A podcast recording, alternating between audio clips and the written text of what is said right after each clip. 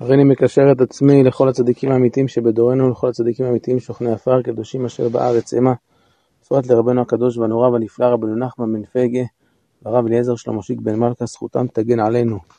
מאמר נפלא בנושא ההבדלים שבין האשכנזים לספרדים. ראשית להעיר הערה חשובה שאיני בא בשום אופן לתת ביקורת על האשכנזים או על הספרדים, ואני מרגיש את עצמי כגרוע מכולם. שלכן מי אני שיכול לבקר אחרים? אמנם מהיותי חי בזה העולם, אני בסייעתא דשמיא שם לב למתרחש סביבי, איני חי בתוך בועה, ולכן חשבתי לפרסם כבר תקופה ארוכה מה אני רואה, מתבונן ומסיק מסקנות לשם שמיים כמובן, על מנת שיצא תועלת רבה לעם ישראל בדרשה זו.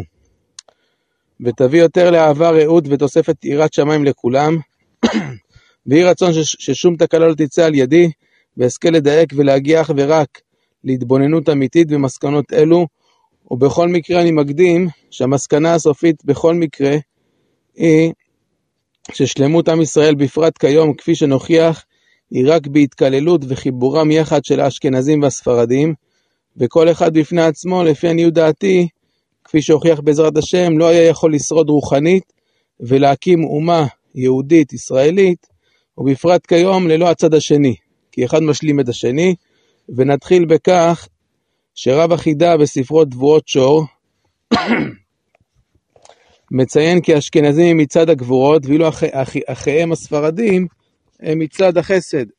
עד כאן תמצית דבריו, ודברים אלו לבני התורה כבר ידועים ומפורסמים מקדמת דנה, וכן להעיר שיש בתוכנו אנשים בציבור שלא כל כך אוהבים לשמוע על הבדלים בין הזרמים השונים בעם ישראל, וחושבים בטעות כי כל התעסקות עם השוני גורמת לסוני, עם שין שמאלית, הכוונה לשנאה חלילה. ובכך בורחים מהמציאות, כי אדרבה, יש עניין להפעיל את השכל על מנת להתבונן בבריאה הנפלאה. כמו שרבנו אומר בליקוטי מורן חלק א' תורה א', כי השכל הוא אור גדול, שמאיר לאדם בכל דרכיו, עד כאן לשונו, וכמשל לפרוז'קטור שמאיר לרחוק, ככה זה השכל של האדם. וכן בתורת חב"ד, אחד היסודות הוא להתבונן, כמובן בתניא בפרק ט"ו ובעוד הרבה מקומות, ולכן כשמבינים את ההבדלים, אזי מכירים גם את האויב, וכמשל לצבא, שתפקידו טרם המלחמה, לדעת את יכולות האויב ומ... לדעת את יכולות האויב ומיקומו, על מנת להכניעו בקלות. וכן האויב של האדם, כידוע, הוא היצר הרע, שנאמר צופה רשע לצדיק ומבקש לעמיתו, ולולא השם יתברך לא יכול לו. והכוונה, השם יתברך במקרה הזה שלנו, הוא לימוד התורה, שבכך יקבל האדם עצות אמיתיות איך ללחום נגד היצר הרע, וזה תפקיד רשע זו שלי, כעת, לתת למעשה עצות נגד היצר הרע. וכן מובא בפרקי דרבי אליעזר פרק מ"ב, אשר הים סוף נקרא ל-12 קרעים כנגד 12 השבטים. וידוע עוד מרב החידה כי האשכנזים באו משבט בנימין, ואילו הספרדים משבט יהודה. חוץ מהכהנים והלוויים שבתוכם, בתוך האשכנזים והספרדים שבאו כידוע משבט לוי, ואילו עשרת השבטים החסרים, לפי דעה זו, למעשה רובם נעלמו בגלות. ובכן, כבר כאן רואים כי קיים הבדל מהותי בין השבטים השונים, ולכן אפילו הים נפתח לכל אחד בנפרד. וכן לכל אחד יש נוסח תפילה משלו, והם כנגד 12 פתחים שיש למעלה ברקיע. וצריך כל אחד לכוון שתפילתו תגיע אל השער והנוסח, והשבט השייך לשורש נשמתו, וזה בקצרה נעשה על ידי שמתפללים כל אחד בנוסח שלו, או בנוסח האריזל שפותח את כל 12 השערים. ואו שמקשרים את תפילתו לצדיק הדור, והצדיק יודע לכוון השערים, ולהעלות כל תפילה ותפילה לשער השייך לו, עיין בליקוטי מאורן חלק א' סימן ב', ובכן מכל זה ראינו כי בוודאי שהקדוש ברוך הוא טבע בנפש האדם הבדלים בין כל שבט ושבט, לפי שורש נשמתם בבריאה, אף על פי שכל יהודי הוא חלק אלוקא ממעל, אבל גם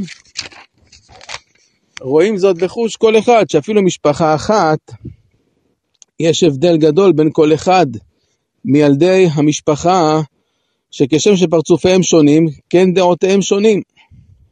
שהרי הפנים של האדם הם פנימי, פנימיותו, ולכן מעכשיו אין שום קושייה על התעסקותי בדרשה זו, ובכן נתחיל לבאר בהקדם על מהות האשכנזים שבאים מצד הגבורות. האדם, שבמ... האדם שבמהותו מצד הגבורות יש לו נטייה יותר להחמיר בכל דבר, הן בהלכה, הן בהשקפה, כן? והוא כלמעשה כבחינת אה, בית שמאי, ולמעשה דורש יותר מעצמו ומאחרים, זאת אומרת, במילים אחרות, מעלה את רף הדרישה ממנו ומאחרים בחיוב האדם, ולכן גם קנה יותר לשם יתברך.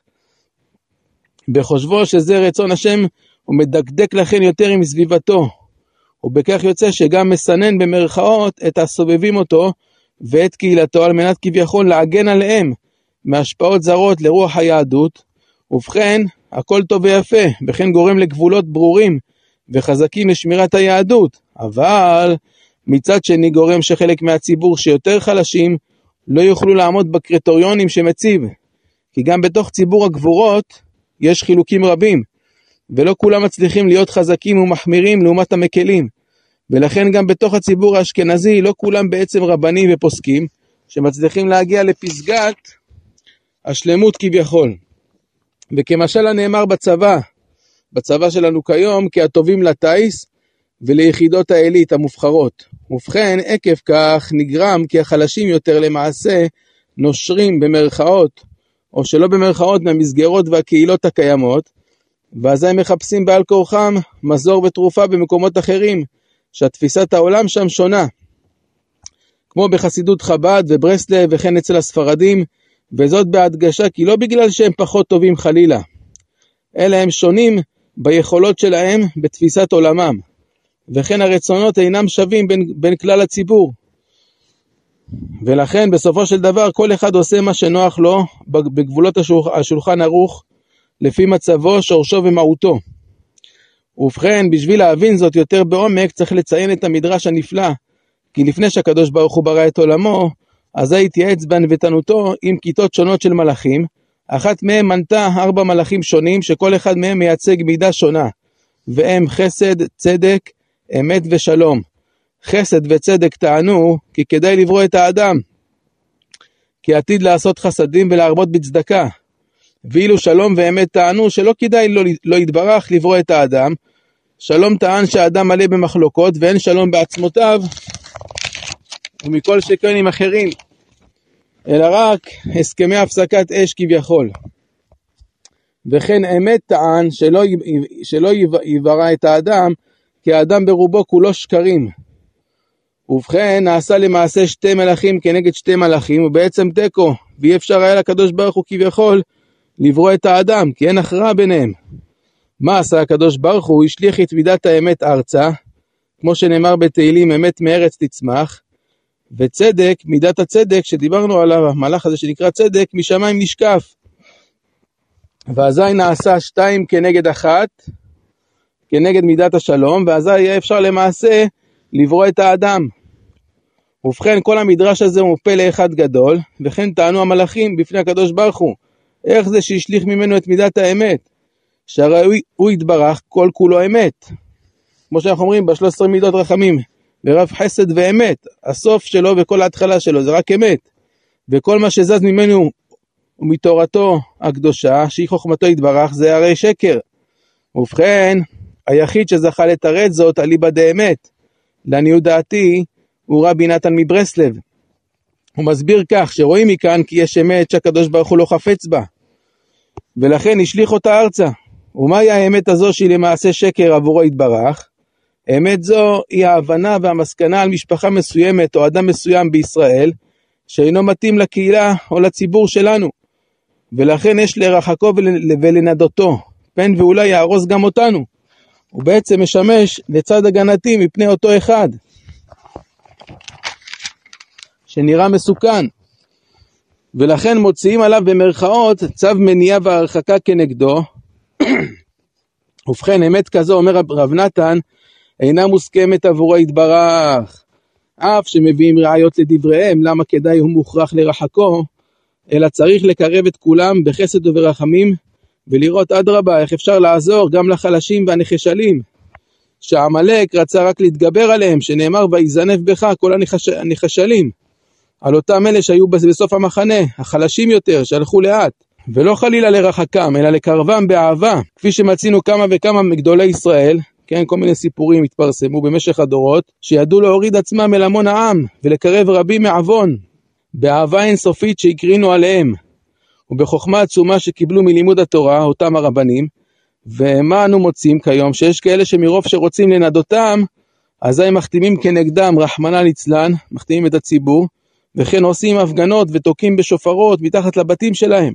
עושים שם מוזיקה, כל מיני, כן, על מנת שיברחו ויתקפלו מאותו מקום. למרות שבוודאי כל מקרה לגופו, ולפעמים אין ברירה וההחלטה מגיעה מגבוה, מגדול ישראל. אך יש לדון בכל מקרה ומקרה לגופו ולעשות צעדים, ובכל מקרה כזה צריך לדון לגופו לפני שעושים צעדים קיצוניים שכאלו. אך ורק אם כלו כל הקיצים ולא נמצא שום דרך השפעה אחרת, שלכן חייבים להיוועץ ברב אמיתי ומתון ששימש כל צורכו את רבותיו, ולא למנות כל אחד לרב. כי לא כל אחד מתאים להיות רב, כי זו אחריות, אחריות גדולה. ולא ניתנת לפי הידע שיש לו בתורה, אלא אותו רב וגדול ישראל צריך להיות משכמו ומעלה, שלכן רק אז נקרא באמת גדול ישראל. שאם לא כן, הכל חוכא ואטלולא, צחוק אחד גדול, ונקרא על פי רבי נחמן מברסלב מפורסם של שקר, רחמנא ליצלן. ורבנו מאשים את הציבור שמינה עליהם אחד כזה, כי הוא עצמו לא כל כך חייב, כי יש לו סתם יצר הרע להנהיג אחרים. אבל הם היו צריכים לבודקו בזכוכית מגדלת, לפני שמינו אותו כרב שלהם. ומזה יוצאים כיום כל התקלות וה, וה, והגברת השנאת חינם והפירודים שבין נשמות ישראל, רחמנא ליצלן, מהדברים הללו. ואם כבר הגענו לכאן, ודיברנו ממפורסמים של שקר, אזי הראש הקדוש נתן לנו סימן איך לזהותם. כמובן, בספר זאת התורה, פרשת וישב, מאמר ב' של המוהרוש, כי הרי גם הם מנהיגים ציבור, אותם מפורסמים גם הם מנהיגים ציבור, יודעים תורה ומחזירים בתשובה. כן, חלקם אף מחזיר בתשובה, אלא כלל זה יהיה בידך, אומר המוהרוש, אם אותו רב במרכאות, אותו אחד מסית את המקורב נגד ההורים שלו, אפילו שהם עדיין מסכנים, רחוקים מהיהדות, או שגורם פירוד בין איש לאשתו, צריכים לדעת שזה מצד הטומאה.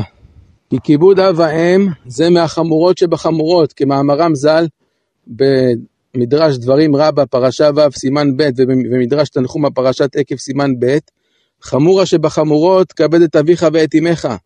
ולכן אוי ואבוי לו למי שמסית נגד אבא ואמא, וזה כבר סימן שאינו מהקדושה. וכן אמרו חז"ל, במסכת שבת, דף קט"ז עמוד א', ומה לעשות שלום בין איש לאשתו אמרה תורה, שמי שנכתב בקדושה ימחה על המים, ולכן כל מי שמפריד בין איש לאשתו, יהיה מאיזה סיבה שרק לא תהיה, זה הסימן שכבר אינו מהקדושה. וצריכים להתרחק, להתרחק ממנו כמו שמתרחקים מאש. וזה למעשה הסימן, מי שהוא מסתרא מצד הקדושה, ומי שההפך מסתרא דתומה, רחמנא ליצלן ואבן. אך תתה, מה זכינו שמוהראש הקדוש פתח לנו את עיני השכל בעצות נפלאות. ועתה נבוא לבאר את מהות הספרדים שבאים מצד החסד, ובכן החסד במהותו הוא כביכול כשיטת בית הלל, אשר בגדול ובאופן יחסי מקל יותר בהלכה, בהתקבלות אליו ובכל ההבחנה שלו לגבי הסביבה. זאת אומרת, פחות מחייב את הבריות, ולכן נקרא חסד על שם הפסוק בתהילים ורב חסד. שמטה כלפי חסד את הדין. הוא בעצם דוגל בכך שכוח דהיתרא עדיף, בכדי לאפשר לכלל הציבור לקיים את השולחן ערוך, שיהיה יותר קל לעוד אנשים לקיים אותו, על מנת שלא יהיו גזרות שרוב, שרוב או כל הציבור אינו יכול לעמוד בו, כן, זה מידת החסד. ועל פי דעת ודרך תורה כמובן, ולא מחפשים חלילה היתר המצוץ מהאצבע. וכן בכל דבר הם לעומת מידת הגבורות חמים יותר, מחייכים יותר, ולכן קל יותר להתקבל ולשהות במחיצתם. ולכן למי שאינו בטבעו קריר וצריך יותר חום ואהבה, אזי אצלם ימצא זאת יותר בנקל מצד החסד שלהם. שלכן הציבור הספרדי בכללותו, זה מה שהם צריכים, וזה נובע כאמור מעצם תולדתם מצד טבעם. ואילו לכן המשתכנזים שביניהם, במרכאות, זה בא לפי עניות דעתי לא כתוצאה מרצון שלילי חלילה, אלא מרגישים בפנימיותם לאמיתיים שביניהם, כן? אותם המשתכנזים, אבל האמיתיים שביניהם, הם מרגישים בפנימיותם כי עליהם להחמיר קצת יותר ולדרוש מעצמם יותר, ולכן נמשכים יותר לגבורות. וזאת מפני שגם בתוך החסד יש דרגות שונות, כמו שגם בגבורות עצמם יש פוסקים שיותר מחמירים, מחמירים ויש יותר מקלים. והוא הדין במידת החסד, שלא כולם שווים. ויש ביניהם יותר קרובים לגבורות ויש פחות, וכל, והכל כאמור מצד הטבע של שורש האדם בבריאה, כמובן בספרי החסידות ובפרט בתניא בפרק ב', כתב מעין זה שיש רבבות מיני חילוקי מדרגות בנשמות. עד כאן לשונו, ומובא הרבה בדברי המוהרוש, שלכן יש הבדל מהותי בין הצדיקים, כי כל אחד נמצא במצבו, שורשו ומדרגתו במקום אחר, ולכן שונה מצדיק אחר. ולכן אינם משתווים בדעותיהם ופסיקתם. אמנם גם, אמנם גם לבאים מצד החסד יש דבר שלילי, ולא מצד החסד עצמו שהוא מושלם, אלא מחוסר ידיעת והבנת התורה, שלא לומדים מספיק הלכה בעיון. מישהו לא בן תורה אמיתי, לא מספיק לומד הלכה בעיון, על זה אומר רבי נחמן בליקוטי מוהר"ן חלק א', תורה ח', עוד ו', שאם לא לומדים הלכה בעיון, אזי כוח המדמה שבאדם עדיין אינו מבורר, ולכן לא יודעים איך להיבדל מהרע לגמרי. וגם האשכנזים שמצד הגבורות צריכים, צריכים לזאת, ללמוד הלכה בעיון. וכפי שראינו את החיסרון שלהם מצד הקנאות, שללא איזון ובלמים, מה קורה להם, כן? אך מי שמצד החסד ללא איזון ובלמים, יותר קרוב לטיפשות וכסלות, כן, מישהו בא מצד החסד, אזי ללא איזון ובלמים אצלו הוא יותר קרוב לטיפשות וכסלות. ואני אסביר וכן ניתן דוגמאות בסייעתא דשמיא לכך. למשל, הנושא של פאה נוכרית, שכל אחד ילך ויפסוק לפי רבותיו בזה, אזי כך אמר לי איזה רב ליטאי, פעם שאלתי אותו, אמר לי שעדיף להורות לספרדים לאסור את חבישת הפאה. וזאת משום ש... שאם נתיר להם, וכמובן שהכוונה למי שאינו בן תורה אמיתי, אזי האישה תשים פאה ממש לא צנועה וארוכה חלילה, ובכך תכשיל את הרבים. אלא אם כן אני מוסיף, אותו זוג משתייך לחסידות מסוימת, בה נוהגים לחבוש פאות, והם מסתכלים ומתאימים עצמם לאותם חסידים אמיתיים, כן, כמו חסידות חב"ד, אז הם מסתכלים על החסידים האמיתיים כפי שנהגו להתלבש מלפני 70 שנה, כן, הפאות הצנועות שהיו, אז זה משהו אחר. ואכן יש אמת באותו רב ליטאי ששאלתי, וכפי שרואים בחוש.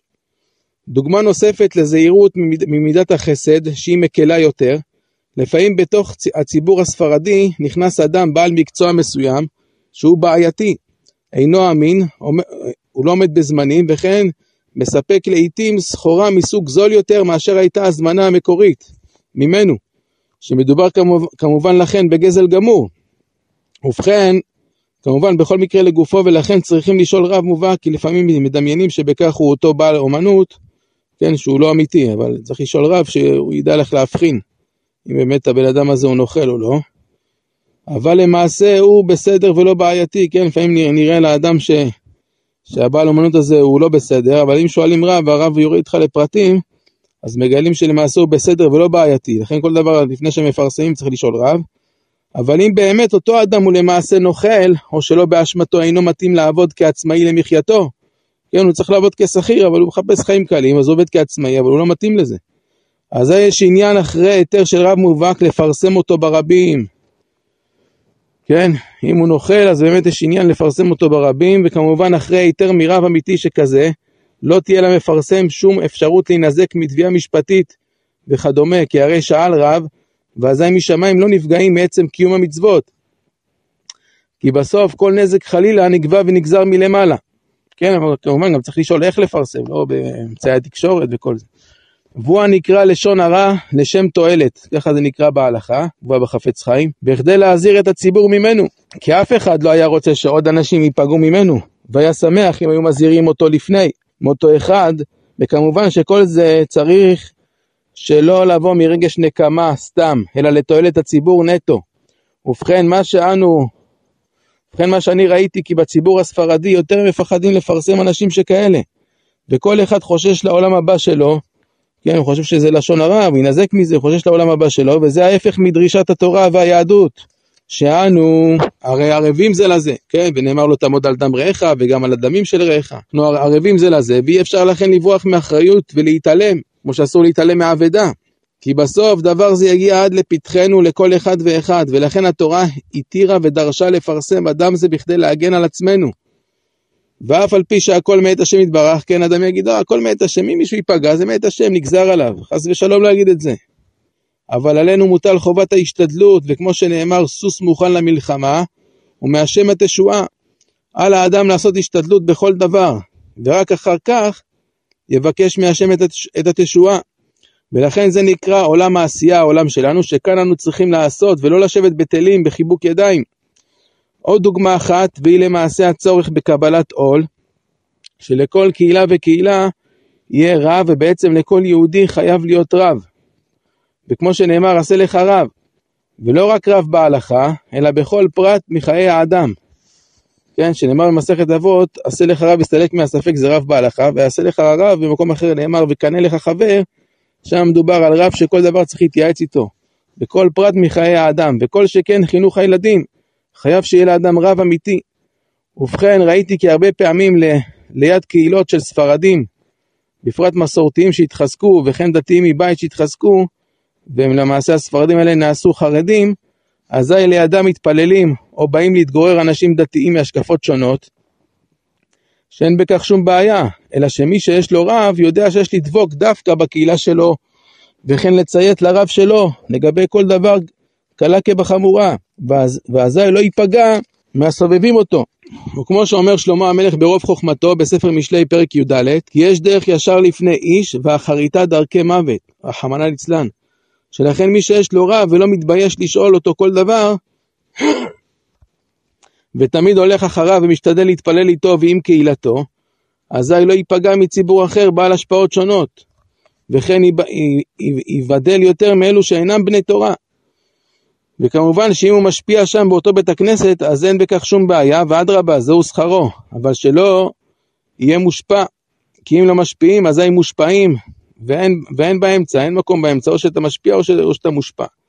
וכן יש ללמוד מהאשכנזים לא לפחד מכלום, ואם לדוגמה יש מחדל שנעשה על ידי העירייה או הקבלן היכן שגרים, אזי אחרי עצת רב יש ללכת ולהחתים את הדיירים, וכן אם צריך אזי לתבוע בבית הדין, על מנת שיתוקנו המפגעים או המחדלים. ולא לשבת בבית ורק להקפיד, כי בכך יהיו לנו חיים יפים יותר. אם נעשה את זה, ונלך לשאול רב ונצטרך נחתים ונתבע אותם, אז בכך יהיו לנו חיים יותר יפים. וכן נגרום שהצד השני יעשה תשובה. כי אם לא אומרים לו שהוא בעייתי, אזי איך ידע זאת ויעשה תשובה? הרי שאנו מונעים ממנו לעשות תשובה. וזוהי גם כן למעשה מצוות התוכחה שאנו מצווים בה. ובכן לסיכום על האשכנזים ללמוד מהספרדים את החמימות וקבלת הזולת, אף על פי ששונה מאיתנו, ולהיות מתונים בדין, ולא קנאים, ואפילו שהכל כביכול לשם שמיים, וכן על הספרדים ללמוד מהאשכנזים ובפרט מהחסידים להתבטא לרב, ולא לפחד משום דבר. אין לפרסם את המזיק, וכן להחתים ולהפגין אם צריך כנגד הרשות או כל גורם מוסמך שאחראי לנזקים. וכמובן הכל אחרי שמתייעצים עם רב. ומקבלים ממנו הדרכה ואת ברכת הדרך, אבל אסור לשבת בחיבוק ידיים, כי זה גורם רק להקפדות, פירודים, תככים ומריבות. כי את השקר אי אפשר לטאטות מתחת לשולחן, אין לו רגליים ועתיד להתגלות. מוטב מוקדם מאשר מאוחר, שאז רק סובלים ושונאים יותר האחד את השני, ואם נעשה זאת ונלמד מהאשכנזים, וכן הם, האשכנזים ילמדו מהספרדים, אזי תהיה לנו, תהיה לנו אומה הרבה יותר טובה, ונוכל להגיע להישגים רוחניים הרבה יותר גבוהים, ויהיה שלום בינינו. שלא מצא הקדוש ברוך הוא כלי מחזיק ברכה לישראל, אלא השלום. והוא ההתקללות אחד בשני. ולכן, ככה גם אומר מוהרוש, אם היה חיבור בין האשכנזים לספרדים, אז היו יכולים גם, לצ... גם לצאת מזה הרבה שידוכים. כי לפעמים השידוך הוא בצד השני, האשכנזי או הספרדי, כפי שרואים בחוש, כל מיני זוגות שהתחתנו אחד עם השני. ואזי נזכה בקרוב ממש לגאולה השלמה ברחמים, אמן סלע. תם ונשלם, תודה לאל בורא עולם, יהי רצון ש, שזכות דברי התורה הללו יהיו להצלחתי, והצלחת כל משפחתי והצלחת כלל ישראל, וחיילי צבא הגנה לישראל ברוחניות ובגשמיות, בזה ובבא, אמן סלע.